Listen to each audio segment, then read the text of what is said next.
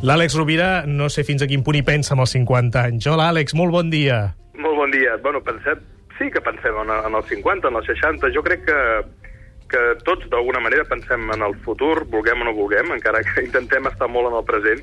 No pots evitar pensar com estaran els teus fills quan siguin més grans, com estaran els pares quan passi el temps. És a dir, jo crec que quan penses en el futur no penses sol, sinó que penses sempre referenciat en els teus efectes, a la gent que estimes i en els teus projectes, no?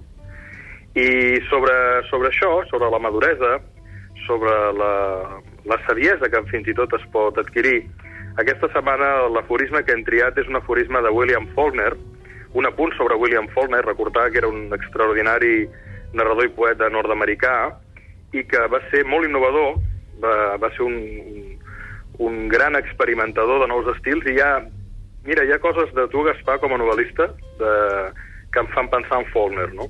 Perquè Faulkner, per, per exemple, utilitzava molt el monòleg interior i crec que és un autor extraordinari. Doncs bé, William Faulkner... Té una... Sí, jo t'agraeixo moltíssim les teves paraules, però clar, estàs parlant gairebé de Déu, eh? En Jordi Llavina hi estarà d'acord, no? Sí, sí Faulkner, home, és, és un dels grans. Segurament sí, sí. és el millor escriptor del segle XX, eh, és, el, és el millor escriptor del segle XX nord-americà, sense cap mena de dubte, i un gran coincidim, innovador. Coincidim, coincidim, per mi... Tot i que és una mica... No és una lectura fàcil, eh, Jordi Llavina? No, no, no ja, ja has d'entrar de, molt preparat, en sí, Faulkner. Sí, sí, eh? no té... Diguem que va, va tenir molts seguidors, exemple, García Márquez, el mateix Vargas Llosa, però no és, no és gens fàcil. Sí, perdona, senyor, però, perdona, Àlex, però precisament, No, no, però magnífic, però precisament el que té de bo Faulkner és que probablement, a part de ser un, un gran innovador, és que um, feia unes lectures molt psicològiques dels personatges i de la vida, no?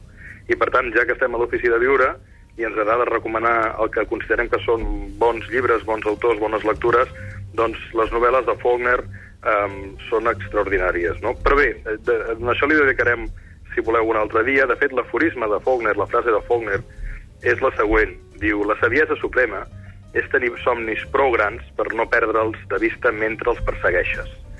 I aquesta frase tan bonica que ens fa pensar en l'utopia, no? Per què existeix l'utopia, diu Galeano, no? Eduardo Galeano, un gran poeta també, no? Contemporani. Diu, per arribar-hi no, l'utopia existeix per fer un pas més endavant, no? Probablement la, la saviesa, la maduresa no passa només per acumular anys cronològicament, sinó que es construeix a partir de la reflexió sobre allò que vivim, i allò que vivim té sentit en la mesura que, um, que volem crear un futur, que volem crear un futur amb un propòsit, amb una visió, no? I aquesta frase de Faulkner pensàvem que era molt bonica, no? Perquè es parla de la, de la crisi dels 40 i dels 50, però mai hem de deixar de somiar, mai hem de tenir utopies individuals i col·lectives que ens fagin tenir força, passió, ganes de viure per encarnar-la. Tant de bo tinguem aquests grans somnis que ens durin molts i molts anys. Moltíssimes gràcies, Àlex Rovira, que acabis de tenir molt bon diumenge. Fins la setmana molt que ve. Bon diumenge, amics. Una abraçada.